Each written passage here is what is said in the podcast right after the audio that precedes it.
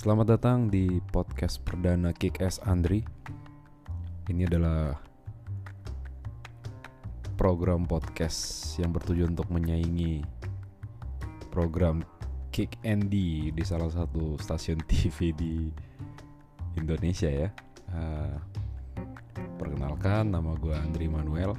Hmm, keseharian gue ya biasa lah, karyawan biasa ya, uh, dan gue buat podcast ini sebenarnya tujuannya hanya untuk uh, apa ya cuman pengen nyalurin isi pikiran yang ada di kepala gue doang nih karena selama ini gue kayak kekurangan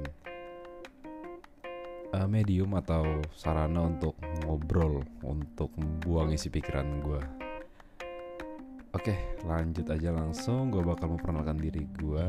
Gue lahir di Kalimantan Timur di kota Balikpapan. Hmm, gue menghabiskan masa kecil gue sampai SMA di sana. Orang tua, orang tua gue aslinya Medan. Uh, cuman merantau mungkin sekitar tahun 84 kali ya. Uh, kurang tahu juga spesifiknya. Merantau ke sana untuk urusan kerja. Jadi gue lahir di sana dan gue tiga bersaudara. Gue satu-satunya pangeran. Pangeran pangeran kodok di keluarga gue uh, kakak pertama perempuan dan adik gue terakhir juga perempuan. Nah ini gue bakal ini episode pertama nih ya dan gue bakal cerita-cerita mengenai ya gue bakal cerita soal kehidupan gue deh dari uh, gue kecil mungkin dari gue sekolah dari SD kali ya uh, sampai nanti gue mungkin sudah sampai pada saat ini. Uh, oke okay, kita mulai aja deh. Gue mau nostalgia dikit tentang masa kecil gue uh, gue lahir di Kalimantan Timur kota Balikpapan. Itu adalah kota yang menurut gue heterogen banget ya. Hmm, heterogen dalam artian ya atau kalimat lainnya itu kota transmigran menurut gue karena kebanyakan orang asli sana itu nggak ada. Mungkin ada cuman terpinggirkan. Uh, kayak contoh di Jakarta lah ya kalau kita ngomongin uh, suku Betawi mungkin udah terpinggirkan. Sudah tidak ada lagi di Jakarta yang notabene di tengah sentralnya Jakarta atau di Jakarta Selatan atau Jakarta Pusat gitu mungkin sudah pada berpindah-pindah gitu. Mungkin ada yang di, di ujung Jakarta Timur ada yang mungkin sudah di Bekasi ada yang di Depok mungkin seperti itu karena ya perkembangan zaman lah. Begitu juga yang terjadi di Kalimantan Timur. Masyarakat adatnya mungkin mulai terpinggirkan ke kabupaten-kabupaten lain mungkin yang ada di wilayah provinsi Kalimantan Timur. Nah kebetulan gue besarnya dan lahir di kota Balikpapan ini adalah kota pendatang nih karena di sana itu tujuannya orang biasanya orientasinya adalah cari kerja. Karena satu di sana terkenal sekali dengan sumber daya alam yang melimpah, jadi kemungkinan lapangan pekerjaan terbuka luas di sekitaran tahun 80-an sampai sekarang ini sih se semua tahun gue ya.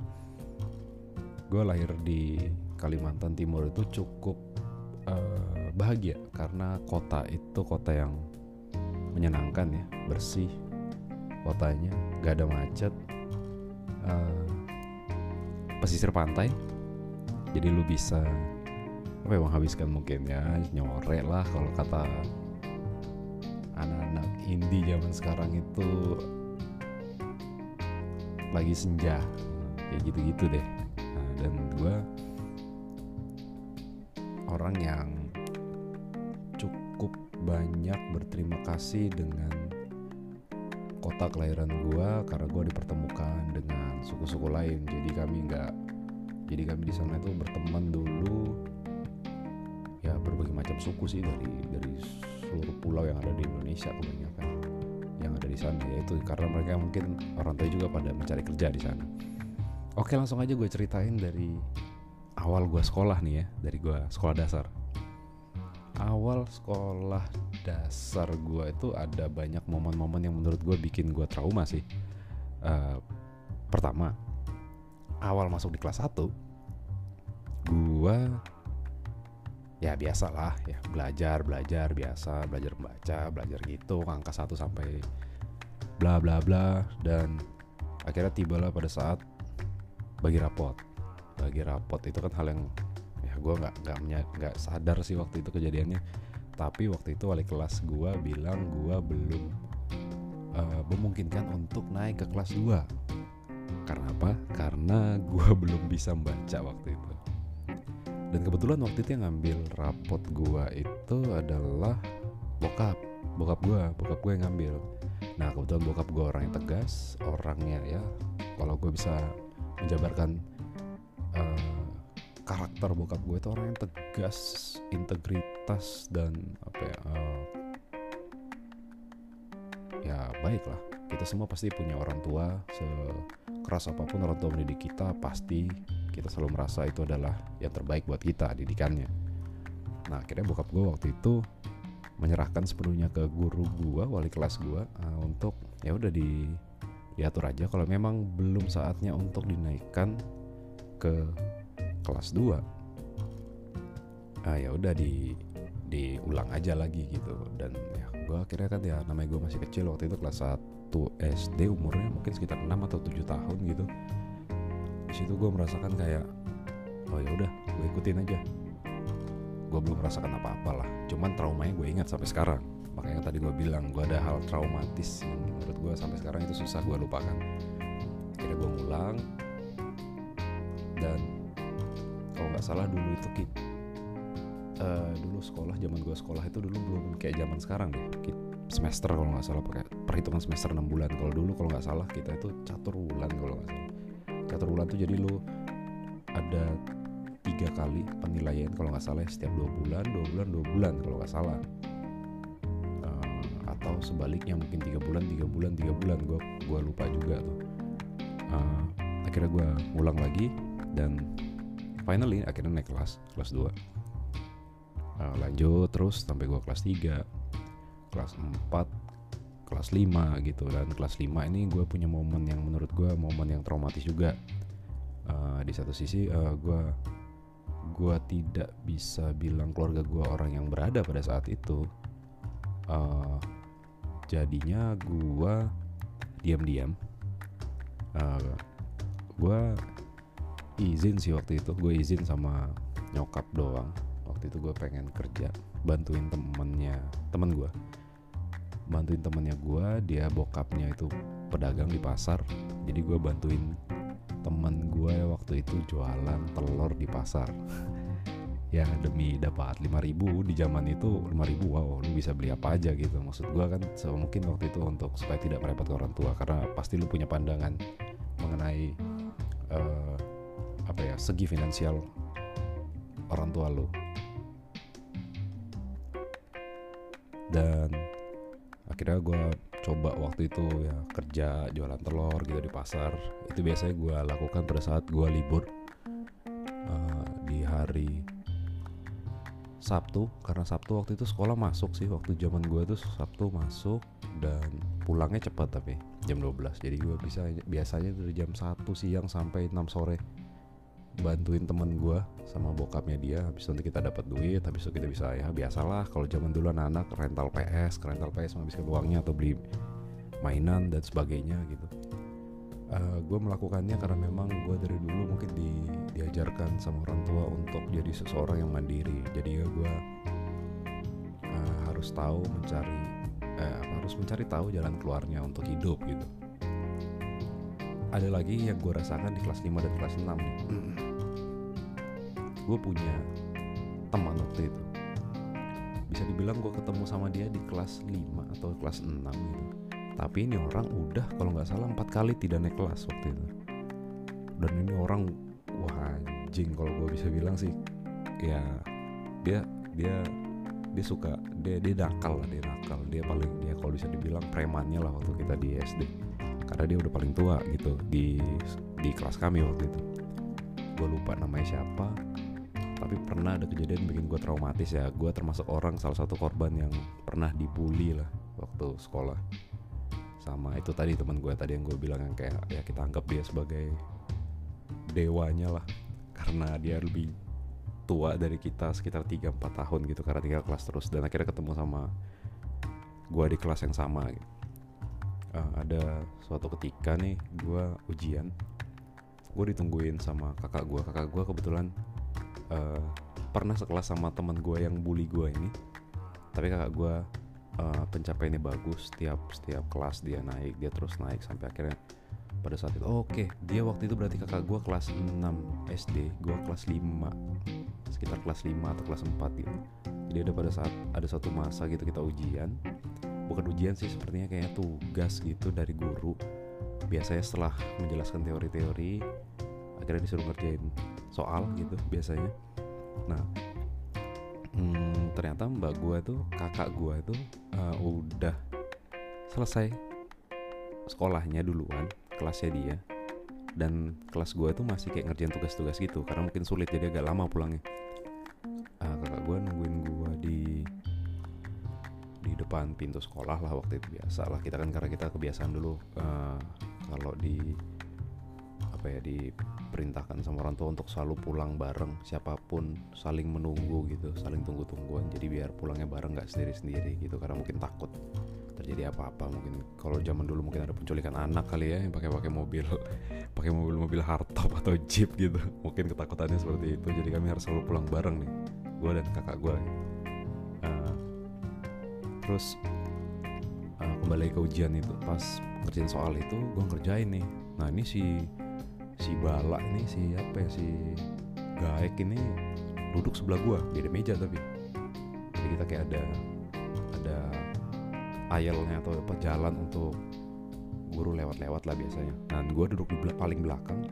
Nih teman gue yang preman banget ini yang centeng banget ini duduk di belakang juga sebelah gue tapi paling pojok jadi kita cuma sebelahan di, di dibatasin dikasih space gitu untuk jalan doang gitu. Nah gue udah terlihat waktu itu ngerjain soalnya sudah selesai gitu. Udah selesai uh, eh, gue mau berdiri kan kayak gue udah udah rapi-rapi udah ngerapi-rapiin. Ya biasa dulu ada kotak pensil gitu dalam tas gue gue inget banget tas gue dulu kotak Saras 008 kalau nggak salah warna biru. Jadi kayak uh, tas kotak gitu segi empat gitu dan gue udah rapi-rapiin terus dia kayak ngelirik gue terus dia kayak hei hei hei eh bagi jawaban dong dia bilang gitu sama gue terus gue kayak ah enggak enggak enggak nggak boleh nggak boleh gue gituin kan. Udah terus saya gue di, di ditagihin mulu tuh uh, apa jawaban gue gitu. Akhirnya gue gue bodoh amat aja gitu kan gue pergi. Gue gue rapiin dulu barang gue semua gue kumpulin tuh soal gue setelah gue kumpulin gue balik sama kakak gue nih. Lewatin tengah lapangan sekolah waktu itu lapangan lapangannya masih pasir. Pasir kuning gitu. Uh, dan waktu itu kalau lagi kemarau lah. Jadi tuh lapangan kalau udah kemarau ketiup angin udah debu semua udah. Akhirnya gue lagi jalan lewatin tengah lapangan itu ternyata nih si si anjing ini keluar juga. Jadi dia ngumpul langsung aja dia kumpul gitu walaupun belum selesai. Dia ngejar gue rupanya. Habis itu gue digebukin lah di lapangan tuh sama dia dan waktu itu kakak gue cuma bisa nangis doang. Ya wah gue tuh hancur banget waktu itu dipukul dipukulin gitu sampai gue uh, guling-guling gitu di lapangan itu.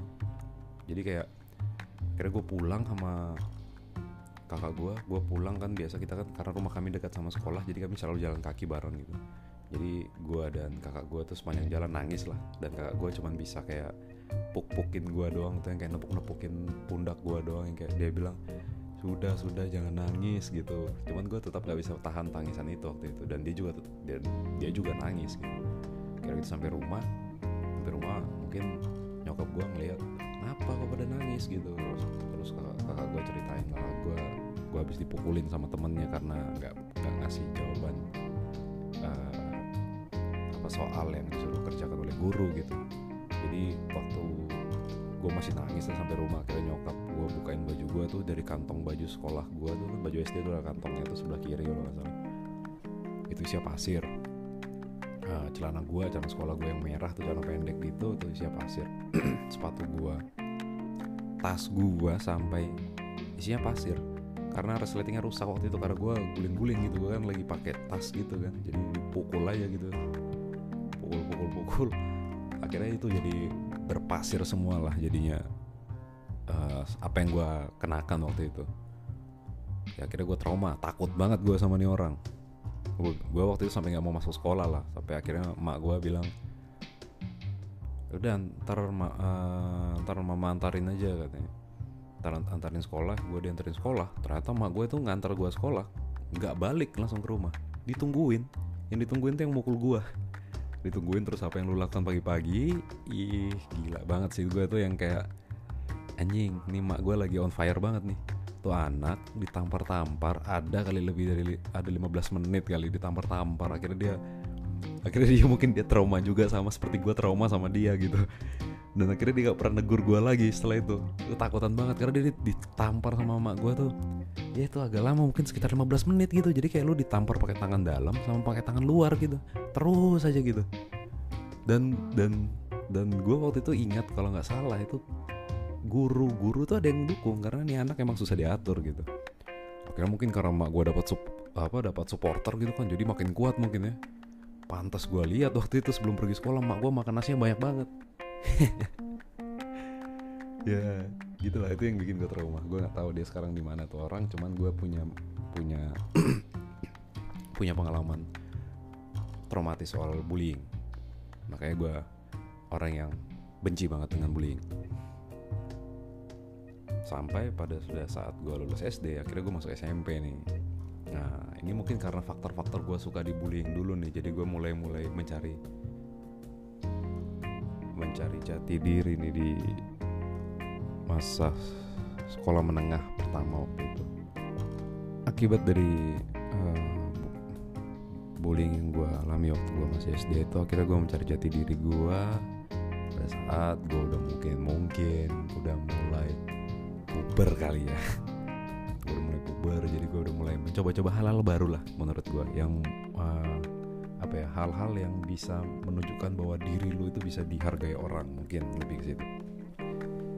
SMP itu akhirnya gue mulai ya akhirnya gue mulai hubungan hubungan pacaran mungkin pacar pacaran biasa lah namanya juga anak-anak sekolah gitu kan. Akhirnya gue pacaran gue pacaran gue mulai dinotis sama orang-orang karena waktu itu kalau bisa dibilang pacar gue ya lumayan nggak nggak buruk-buruk amat lah cakep cakep cakep. Putih hidung mancung wah pokoknya pokoknya stereotip orang Indonesia banget lah tentang wanita yang cantik itu seperti apa gitu. Orang Indonesia kan biasanya kan ngomongin kalau cewek itu punya stand cewek cantik itu adalah standar rambut lurus kulit putih hidung mancung gitu. Padahal nggak nggak bi nggak bisa dibilang seperti itu juga. Banyak banyak banyak banyak cara banyak macam menurut gue soal kecantikan. Nggak bisa dari satu hal doang yang biasa. Apa ya di di didengungkan berulang kali gitu dan akhirnya jadi kayak stigma bahwa cewek cantik seperti itu. Oke lah kita mulai menjauh nih. Uh, akhirnya gue punya pacar dan gue melakukan satu hal yang menurut gue hal baru di hidup gue yaitu gue cobain skena waktu itu street punk uh, walaupun nggak mempelajari ideologi secara langsung secara detail gitu idealisme idealismenya apa aja gue nggak pelajarin. Gue cuma waktu itu terpengaruh sama tetangga gue waktu itu yang dia lebih anak SMA kayaknya dia waktu itu posisinya gue masih SMP ya dia dia ngajarin gue ayo kita ikut yuk gini gini gini gini.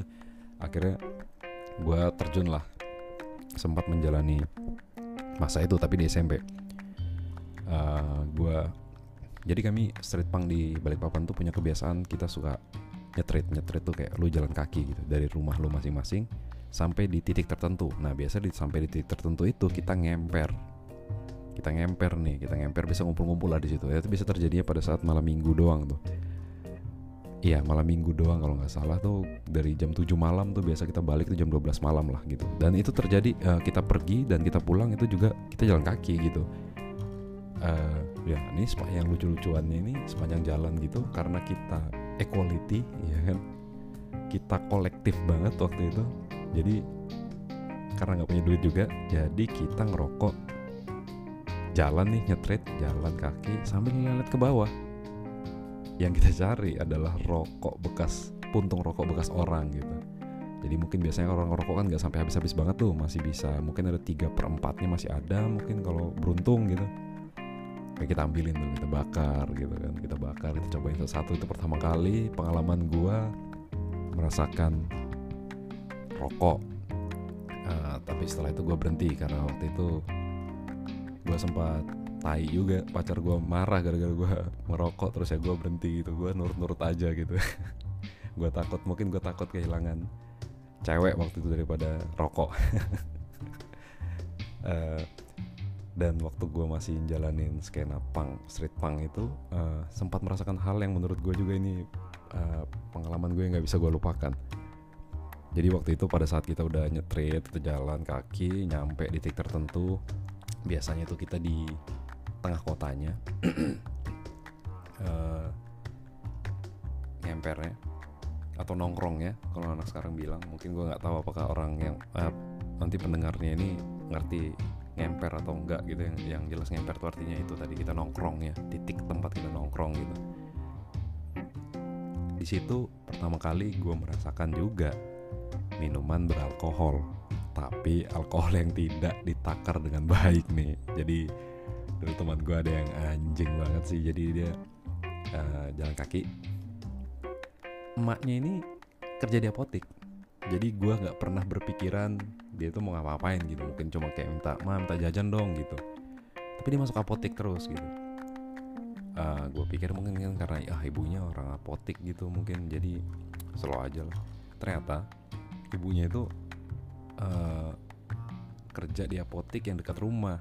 Nah gue yang waktu itu gue nggak yang gue gue nggak terlalu notice itu gue pikir dia tuh ngantar barang dari tempat ibu yang kerja ke apotek yang lain. Jadi setiap kita lewati apotek dia dia masuk dia masuk ke dalam dan dia beli. Alkohol luka. Lo tahu kan alkohol luka tuh gimana kan? Alkohol luka yang 70% nah itu adalah minuman yang kita minum pada saat kita lagi nongkrong dicampur sama extra jos. Wah gila. Gue sih waktu itu sempat nyobain sih. Uh, nyobainnya kayak rasanya kayak apa ya? Uh, ya alkohol. Cuman gue waktu itu kayak membayangkan anjing ini mak gue kalau gue dulu main sepeda kaki gue lecet gitu dikasih ini lukanya kering. Ini gue minum nih. Lambung gue kering juga kali ya. Gue sempat berpikiran itu cuman gue kayak tapi gue nggak nggak nggak menikmati secara banyak waktu itu karena gue takut. Nah karena gue kan masih tinggal sama orang tua jadi membatasi lah perilaku perilaku kayak gitu. Cuman uh, apa ya curiosity-nya atau rasa ingin tahunya selalu ada gitu. Jadi gue nyobain. Nyobain banget dulu. Uh, ya itu masa SMA masa SMA sih sebenarnya lebih mencari jati diri. Eh SMP mohon maaf nih gue bilang SMA lagi.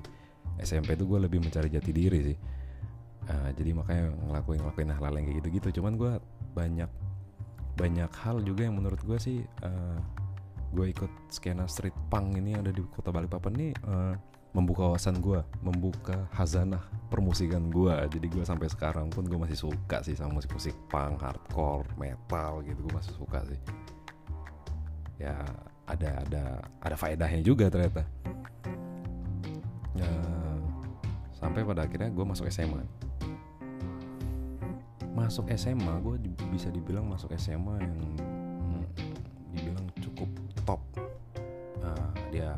dua dua dua teratas lah. Sekolah terbaik di di, di kota gue hmm, karena dulu sekolah gue SMP SMP swasta yang nggak terlalu terkenal kenal amat muridnya cuma dikit. Akhirnya pada saat gue masuk ke SMA gue pertama kali ngelihat uh, apa ya ratusan uh, ratusan pelajar gitu yang wah rame banget gila. Gue ketemu dari SMP SMP lain yang mereka tuh berkubu-kubu gitu dan banyak jumlahnya. Karena gue waktu itu masuk ke SMA gue itu cuman berdua sama teman gue jadi perwakilan dari SMP gue waktu itu cuman gue sama teman gue akhirnya kami jadi kayak ya kayak terpinggirkan lah di awal-awal. Karena ya sekolah gue yang SMP waktu itu teman-teman yang lain tuh kebanyakan lanjut lagi ke yayasan si SMP gue ini. Karena dia punya SD SMP SMA gitu. Jadi kebanyakan mereka dari SD SMP SMA gitu. Karena kebetulan basisnya yayasan yayasan SMP gue ini basisnya agama. Jadi kebanyakan ya penganut agama itulah. Uh, eh, non muslim sih tapi agamanya. Uh, masuk di SMA gue cuma berdua sama temen gue nih.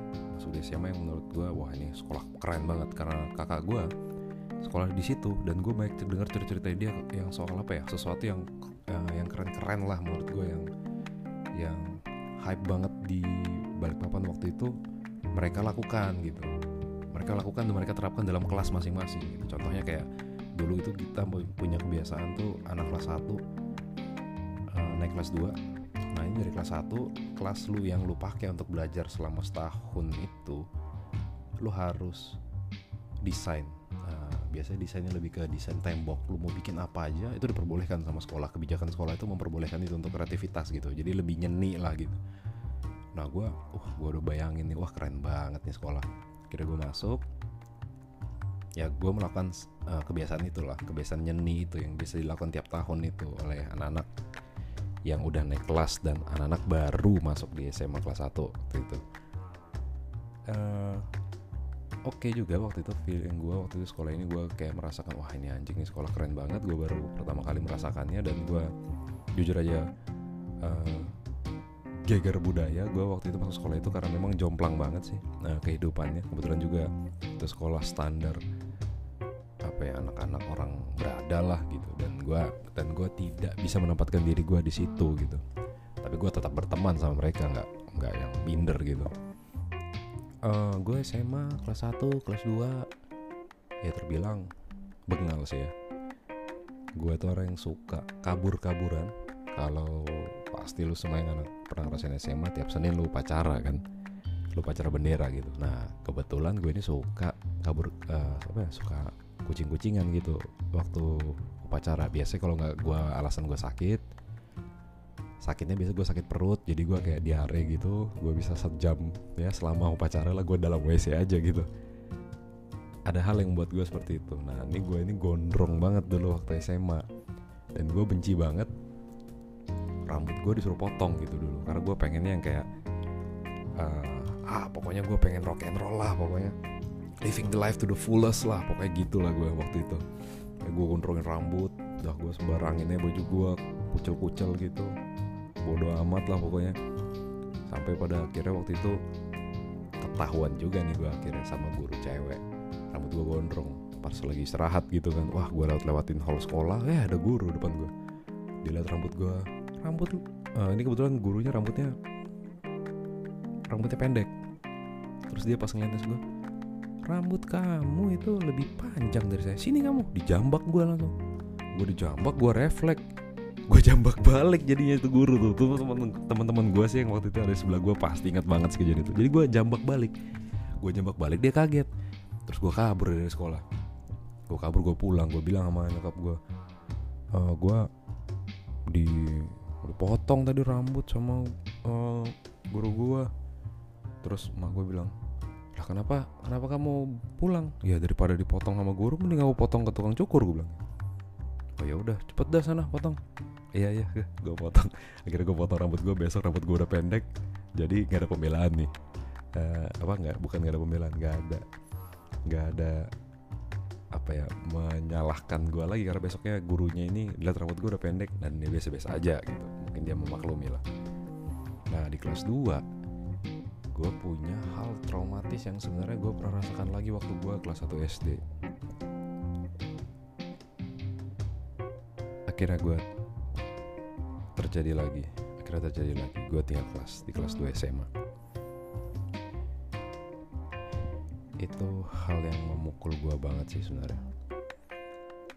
Uh, akibat kejadian itu banyak hal yang menurut gue uh, gue di disingkirkan atau dipinggirkan oleh orang-orang terdekat gue uh, termasuk waktu itu gue pacaran dari SMA eh dari SMP sama pacar sama mantan gue waktu itu sampai akhirnya pada saat kejadian gue pacaran sama dia 4 tahun kalau nggak salah dari kelas 2 SMP sampai kelas 2 SMA nah kejadian 2 SMA yang gue tinggal kelas ini dia meninggalkan ya meninggalkan memutuskan hubungan lah karena mungkin malu kali ya.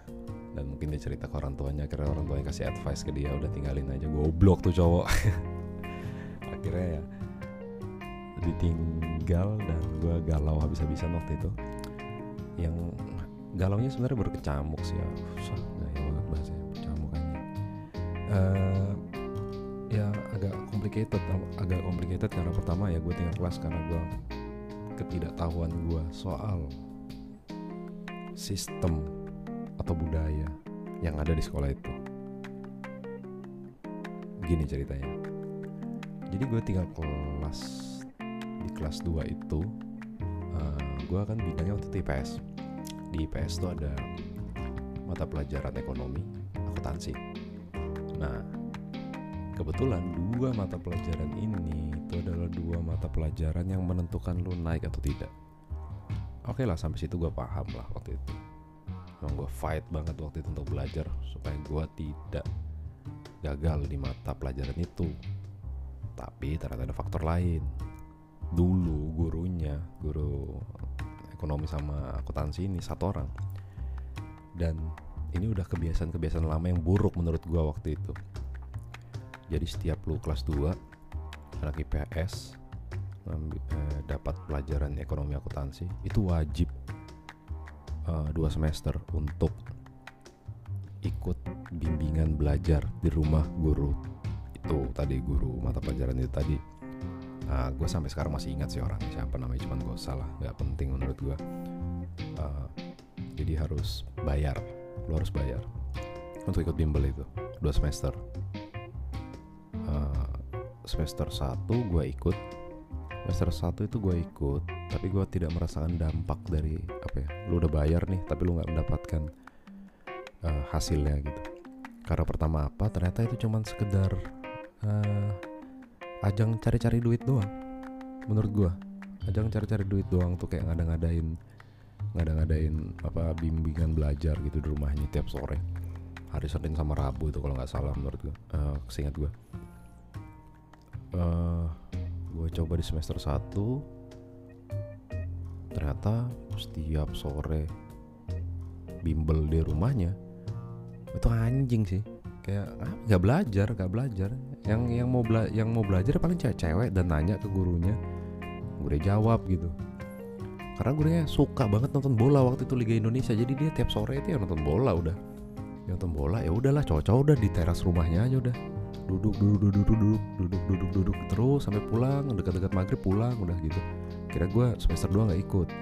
Nggak ikut lagi bimbel karena menurut gue gue membuang-buang uang orang tua gue waktu itu gue bilang tapi gue komunikasikan sama nyokap bokap gue waktu itu gue bilang wah nggak ada gunanya nih ikut les-les kayak gini nih. Nggak apa-ngapain pada pada sibuk nonton bola gitu yang cewek-cewek pada gosip. Ya udahlah ntar kata kalau nggak salah waktu itu nyokap bokap bilang ya udahlah terserah kamu uh, terserah kamu aja. Kalau yang benar-benar gak ada manfaatnya gak usah lagi nanti semester 2 akhirnya gue ambil keputusan untuk tidak ikut di uh, apa bimbel di semester 2 ya, gue nggak tahu dong ada konsekuensinya. Ternyata itu guru kalau di akhir semester hmm, harus benar-benar wajib malah katanya. Gue dengar dengar kebiasaannya. Harus benar-benar wajib untuk ikut di semester kedua. Malah justru katanya di semester 1 lo nggak perlu ikut gitu. Nanti semester 2 lo baru ikut. Nah gue nggak ikut di semester 2 dan akhirnya dia membuat gua tinggal kelas waktu itu. Oke lah gua kecewa di situ soal yang namanya hmm, apa ya gue kecewa soal yang namanya pengabdian seorang guru menurut gue yang orientasinya adalah uang waktu itu. Uh, ya akhirnya bokap gue pada saat uh, momen pengambilan rapot di kelas 2 bokap gue lagi yang ngambil. Bokap gue ngambil terus bokap gue kayak di direct gitu untuk untuk ya lo tau lah untuk melicinkan melicinkan birokrasi waktu itu supaya gue tetap melewati garis merah waktu itu. Tapi bokap gue orangnya kan yang tidak bisa lu lu lu beli gitu integritasnya dia soal kejujuran gitu soal soal suap menyuap dia tuh paling benci banget. Bokap gue tuh orang yang kalau bisa lu usahakan dengan jalan yang bersih lu jalanin ya. Akhirnya ya udah kita terima terima aja waktu itu. Tapi emang gue waktu itu punya jadi kayak punya gejolak juga sih di perasaan sama di kepala gitu. Jadi kayak anjing nih kok gue nggak dibantu ya? Gini gini gini gini. Gue kan harusnya naik kelas nih. Gue kan malu ya sama teman-teman gue tapi ternyata ya gue dapat apa ya dapat sedikit idealismenya di situ sedikit integritasnya di situ soal soal bahwa praktek-praktek apa suap suap menyuap itu tidak baik lah. Emang sekolah gue waktu itu SMA emang biasa melakukan itu. Sampai pakai sampai pada akhirnya gue ketemu teman baru lagi gue ngulang kelas 2 SMA lagi. Nah gue ketemu temen baru. Ya berjalan seperti biasa. Teman-teman gue di yang kelas 2 sebelumnya yang sekarang yang waktu itu udah menjadi kelas 3 untungnya support gue beberapa orang yang ada support gue jadi gue kayak didampingin gitu terus kayak ya, lu masuk kelas gitu gue waktu pertama kali masuk kelas 2 ngulang lagi kan gue kayak malu kan gitu. Jadi gue, mereka tuh kayak apa ya cheer gue gitu nyemangatin gue terus dianterin tuh gue hari pertama gue masuk ke kelas. Terus tuh semua tuh anak kelas 2 diancam semua tuh teman-teman gue yang udah kelas 3 ya. eh lu semua awas lu yang gak ada yang hormat sama Andri katanya teman gue gue lupa siapa yang ngomong gitu nggak Dimas deh. Awas lu gak ada yang hormat semua gue tampar lu semua pulang sekolah katanya. Semuanya jadi kayak segan gitu jadi sama gue anjing gue bilang sama teman gue gue kan mau cari teman nih malah pada segan semua. Tapi akhirnya lapan laut berteman lah juga sama teman-teman yang yang gue ngulang lagi kelas 2 SMA itu. Sampai pada suatu ketika uh, bobrok-bobroknya sekolah ini mulai kebongkar dan didukung sama beberapa guru yang uh, yang yang di apa ya yang yang di ada beberapa guru yang memberikan informasi soal bobroknya sekolah ini. Bobrok itu mencapai tingkat jabatan paling tinggi waktu itu di situ kepala sekolah kalau nggak salah. Uh, ada guru yang punya idealisme dan integritas yang baik lah waktu itu. Dan kalau nggak salah waktu itu guru itu sudah mengabdi di SMA gua itu lama banget. Jadi dia ini udah sepuh lah di situ. Ibu-ibu orangnya keren. Gaya-gayanya aktivis banget lah. Rokok di kelas ngajarnya sejarah. Itu gue sayang banget sama itu guru. Gue tapi lupa namanya tapi gue tahu tuh sampai waktu itu kita sampai setting demo besar-besaran di sekolah itu inisiasinya itu dari guru, uh, dari ibu guru ini. Bu guru ini inisiasikan terus kita rapat di rumahnya setiap malam gitu.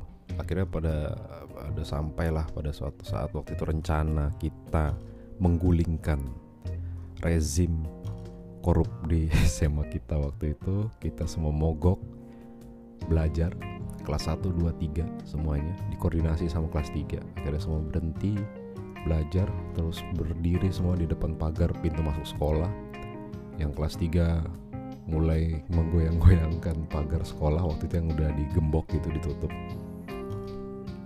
Tapi kepala sekolah kayaknya udah dapat bocoran waktu itu dan dia tidak ada di sekolah itu di sekolah gua waktu itu. Uh, akhirnya sampai kami kejadian itu kejadian pertama kali mungkin ya mungkin kejadian pertama kali di SMA yang ada di Balikpapan murid menggoyangkan apa menjatuhkan pimpinan uh, pimpinan sekolah waktu itu kepala sekolah ya. Itu menurut gue sih yang kayak gue kembali percaya diri dan gue memang merasakan sistemnya yang waktu itu rusak sekali rusak dan benar-benar tersistematis gitu dari setiap guru itu orientasinya duit duit duit duit gila banget sih. Sampai sampai di sampai yang namanya bimbingan konseling BK di sekolah itu didagangin. Jadi anak-anak nakal tuh. Anak-anak nakal tuh banyak banget menservis habis waktu itu guru-guru BK di sekolah di SMA gue gue ingat banget tuh sampai ada satu guru tuh waktu itu merayakan ya hari raya Natal.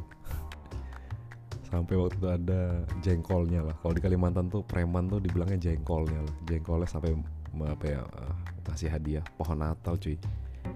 Gila nggak tuh dan dia tuh dan dia akhirnya kebiasaan tuh dengan sifat-sifat gitu. Padahal menurut gue itu adalah mereka tuh adalah orang tua gitu dan harusnya mereka mengajarkan yang baik-baik gitu sama kami-kami yang muda-muda ini. Gue nggak tahu tuh sekarang yang dulu uh, apa ya kerjanya nyogok-nyogok tuh guru ya. Ini anak-anak ini yang suka nyogok-nyogok guru. Gue nggak tahu lah sekarang jadi apa. Mungkin udah ada di penjara kali ya atau gimana. Cuman ya menurut gue itu habit yang tidak baik sih diajarkan sama orang tua. Itu kan jadi kayak suatu kebenaran gitu. Dan itu mungkin terjadi sekarang pada saat kita kerja. Semuanya merasa dianggap itu sah-sah aja di bawah meja gitu. Padahal sebenarnya tidak gitu.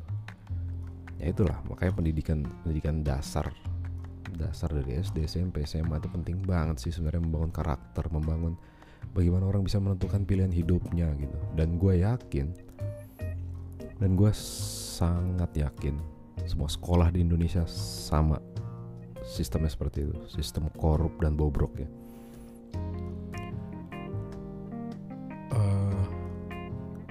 Oke setelah kejadian demo-demo tadi itu akhirnya kepala sekolah ganti. Dan gue ingat banget waktu itu kepala sekolah penggantinya itu uh, kita pikirkan dia bakal korup juga. Ternyata dia lebih doyan bertaman. Jadi sekolah tiba-tiba waktu itu jadi taman semua ada kolam ikannya. Pokoknya hijau lah sekolah jadinya. Dan yang not bad lah menurut gue sebagai kepala sekolah yang mengajarkan apa ya mungkin mungkin dia bisa dia mungkin tidak mengajarkan uh, teorinya cuman dia pengen menunjukkan bahwa menjaga lingkungan tuh baik Wes, ternyata dia aktivis lingkungan daripada tadi aktivis duit. Menganjing tuh kepala sekolah. Kira gue selesai lah SMA waktu itu. Selesai SMA hmm, ah, ada ada yang nih mau gue ceritain nih agak agak yang agak agak apa ya agak agak menyedihkan juga di hidup gue waktu gue tinggal kelas itu.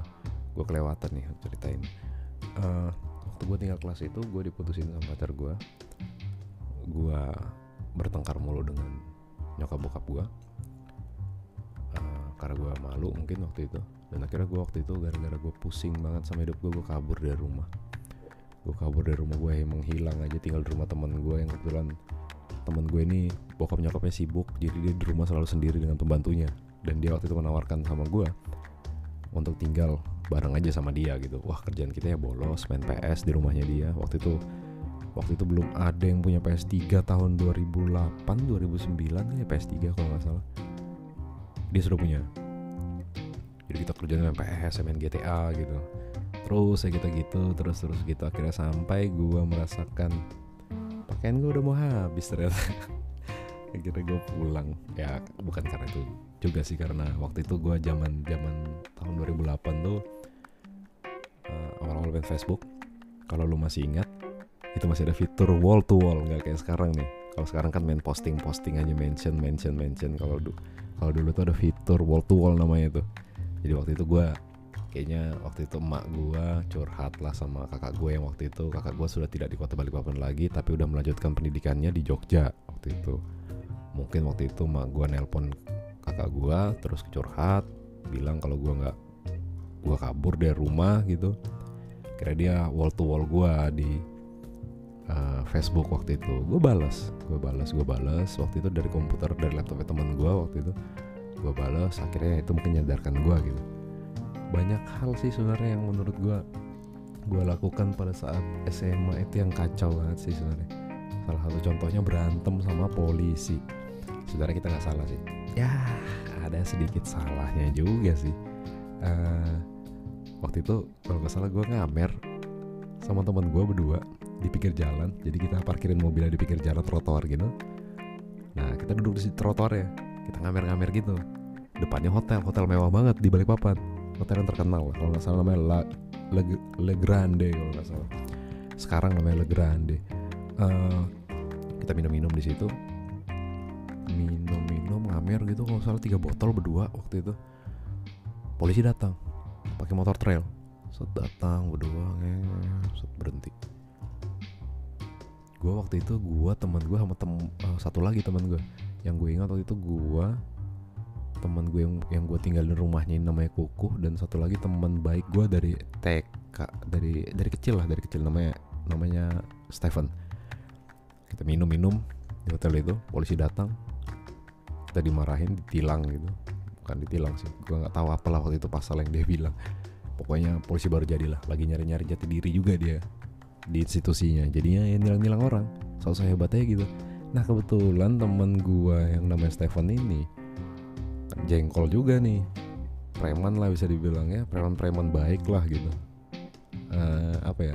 Nyalinya nyalinya gede nyalinya gede. Ya masuklah dalam kriteria seorang preman nyalinya gede. Tapi orangnya terukur gitu. Dilawan ini polisi diajakin duel gitu di pinggir jalan.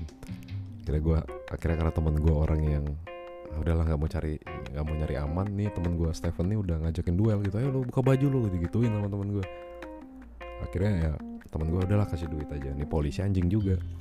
Polisinya nyuruh gue sama teman-teman gue taruh uang 50 ribu atau 100 ribu di motor atas motornya. Dia nggak mau terima langsung tangan dengan tangan gitu hand to hand gitu. Dia cuma suruh waktu itu taruh di atas jok motornya 50 ribu atau sekitar 100 ribu habis itu kami disuruh pergi 10 detik dari sekarang. Jadi gue taruh duit langsung naik mobil langsung hilang aja gitu disuruh hilangnya kan nggak masuk akal nggak nggak make sense. Tapi ya udahlah ikutin aja. Kabur pulang gitu. Kabur pulang karena kita sudah under substance. Kita muntah depan rumah teman gue waktu itu.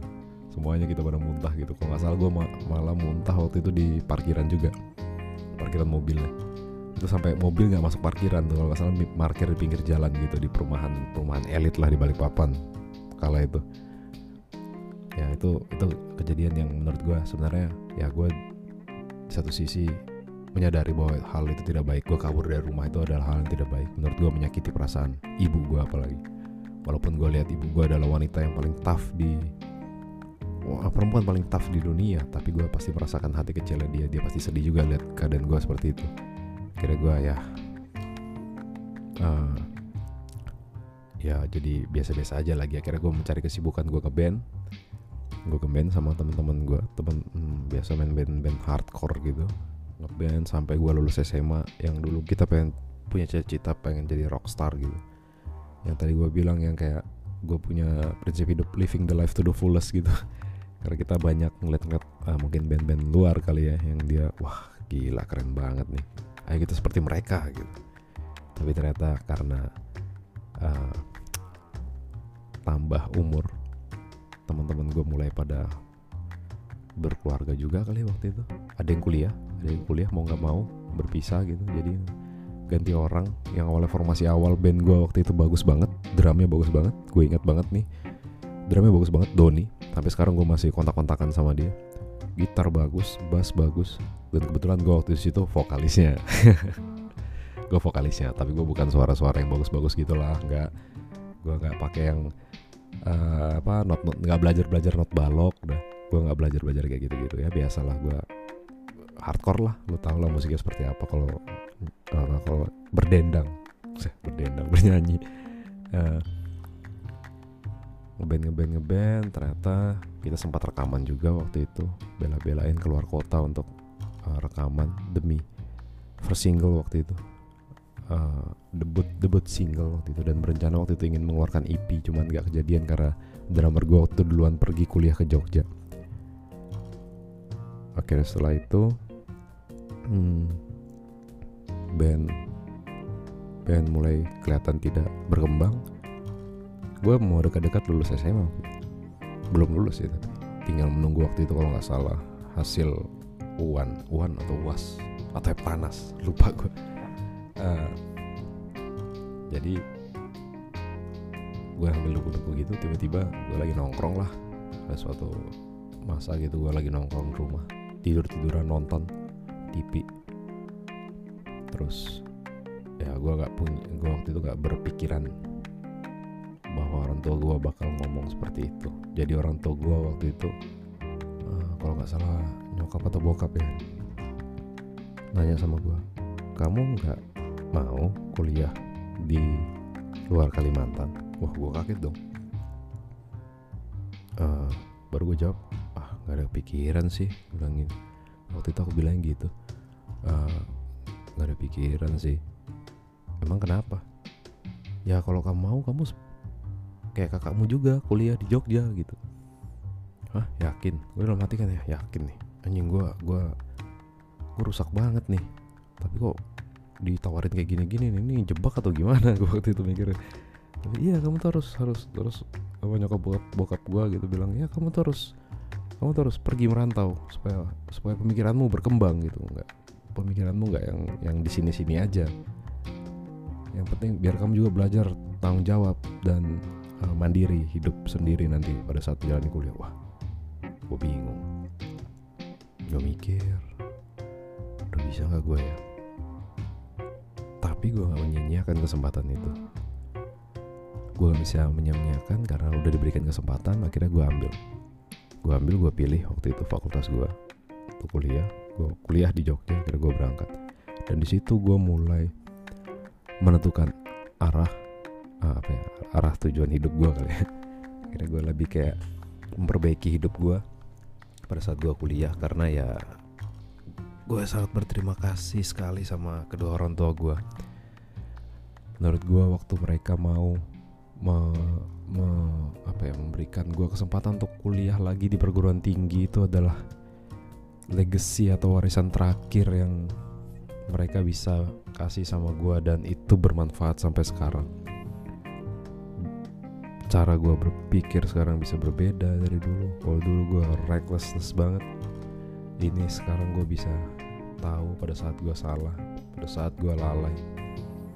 Gue menyadari itu.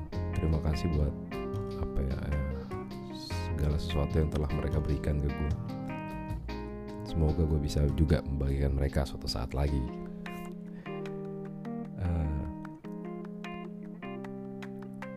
akhirnya setelah lulus kuliah lulus kuliah gue dapat tawaran lah waktu itu. Gue sih sebenarnya punya cita waktu itu lulus kuliah. Kalau gue pengen melanjutkan lagi uh, program S2 kali. Karena gue bercita pengen jadi pengajar. Uh, dulu sempat waktu memilih fakultas untuk di perguruan tinggi orang tua itu menyarankan untuk gue jadi jadi apa ya pemuka agama. Sekolah pemuka agama lah waktu itu. Teologi. Um, menyuruh gue untuk masuk ke situ karena katanya di keluarga nggak ada. Nggak ada belum ada yang mengambil uh, apa ya bidang bidang teologi ya waktu itu. Tapi gue pikir-pikir wah gue gak panggilan hati. Karena menurut gue sih pendidikan pendidikan agama itu menurut gue harus panggilan hati gitu nggak bisa dipaksakan gitu kan.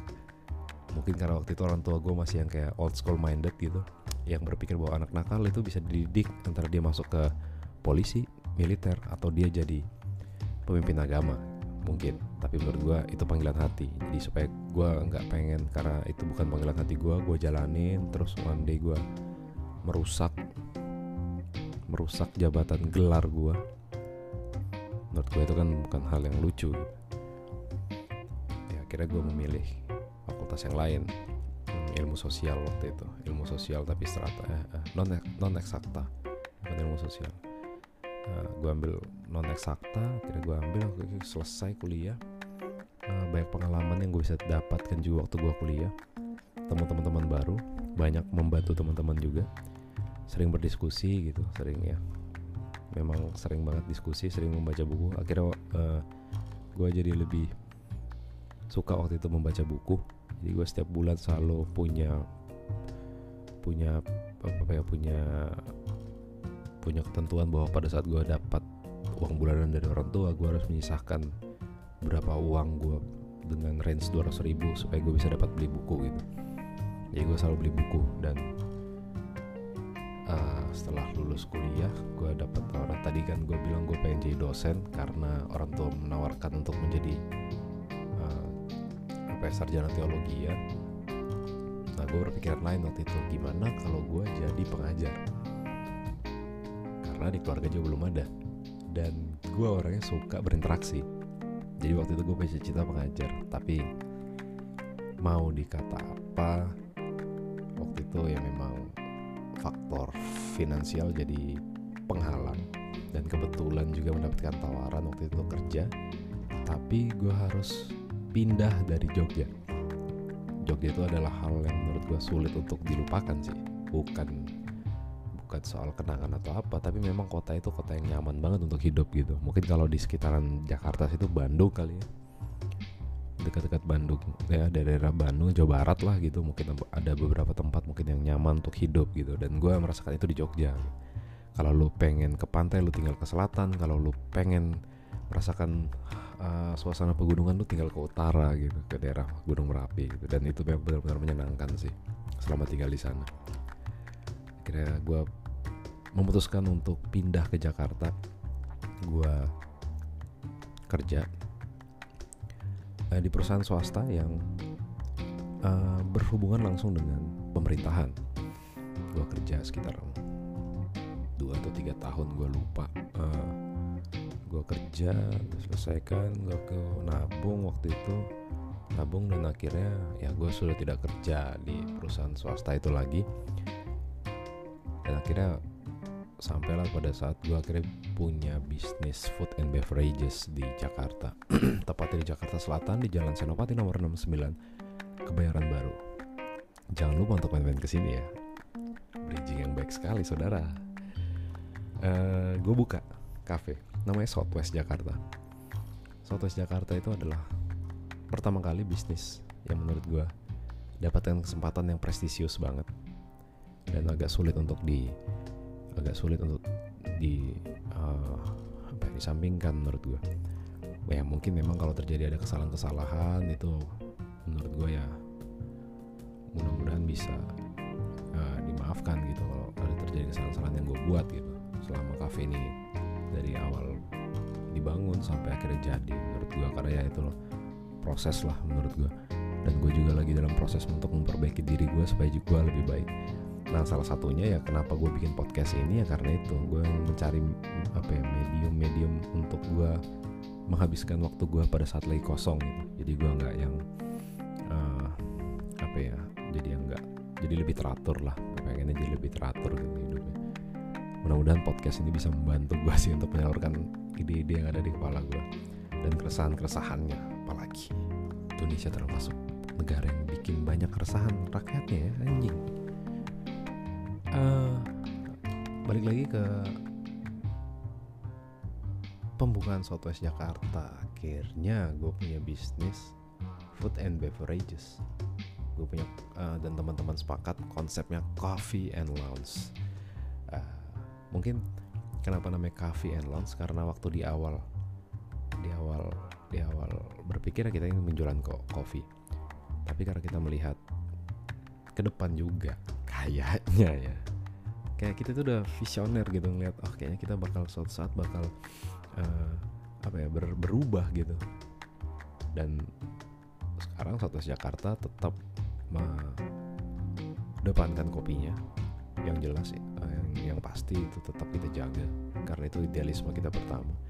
Dan kita punya produk-produk makanan yang menurut gue oke okay untuk uh, makanan-makanannya harga ya lo tau lah senopati harganya ya, ya lo tau diri aja lah.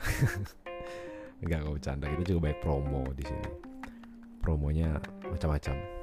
Biasanya mungkin bulanan dua bulanan gitu kita ubah-ubah tergantung dari timeline uh, untuk yang promo. Dan sekarang kita sudah ada alkohol cuy lo harus cobain nih alkohol di sini nih. Waduh ini mantep loh. Lo bisa nikmatin.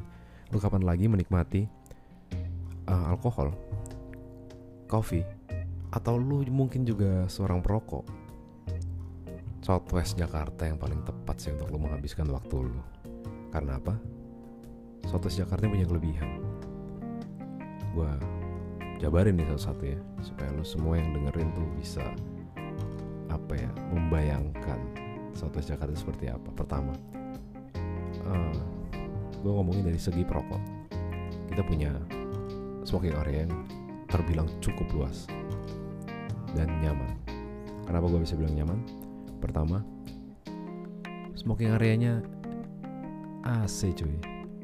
Kapan lagi lo dapat tempat ngopi yang mementingkan, bukan mementingkan, yang menyeimbangkan uh, kebutuhan perokok dan tidak perokok. Di sini balance. Lu mau nggak ngerokok, tetap AC juga. Lu ngerokok, kita kasih AC juga. Jadi lu nggak kepanasan. Karena apa? Karena gue bertiga, gue dan temen gue dua lagi bikin Southwest ini itu karena berawal dari keresahan-keresahan kami uh, termasuk bagaimana tempat perokok biasanya di kafe-kafe itu biasanya kurang diperhatikan. Biasa kita panas-panasan anget-angetan. Lo tau lah Jakarta ya kan? Si dingin Jakarta. Siang-siang. Makanya kita bikin waktu itu di smoking areanya AC jadi lu nggak perlu khawatir muka lu berminyak ya. Santai aja. Uh, terus apa lagi ya? nah biasanya kafe-kafe itu repetitif. Uh, furniture furniture terutama ya kursi meja gitu. Kami bikin berbeda. Repetitif dalam hal biasa kayu-kayu semua gitu. Lu pegel tuh lu ambilin tuh lu duduk di kayu tuh 4-5 jam tuh. Nah di sini beda. Di sini kursinya kita perhatikan bahkan sampai ke apa ya kalau bisa dibilang kain. Kain kain yang buat ngalasin busa-busa di sofa di bench seating di stolnya kita bikin kita kasih pilihan yang baik. Kami impor kayak ini cuy. Demi kenyamanan lu semua lu bayangin coba. Mana ada orang lain mau kayak gini? Pasti dikasih kayu lu karena apa? Dia takut resiko. Lu merusak karena lu ngerokok gitu. Mungkin dia takut lah bolong atau apa segala macam. Cuman kami ya biasa aja santai. Untuk customer mah ya yang penting mereka nyaman. Tapi jangan lupa lu nyaman nyaman jangan nyaman nyaman doang lu beli dong ya kan? Hargain juga dong kita ya kan cuy? Yoi. jadi lu jangan lupa datang ke Southwest. Jalan Senopati nomor 69 Selong Kebayoran Baru Jakarta Selatan. Oke sampai di sini dulu podcast episode pertama gue ini perkenalan dan gue menjelaskan soal kisah hidup gue dari SD sampai. Gue akhirnya bisa buka Southwest Jakarta. Sampai jumpa lagi dan terima kasih.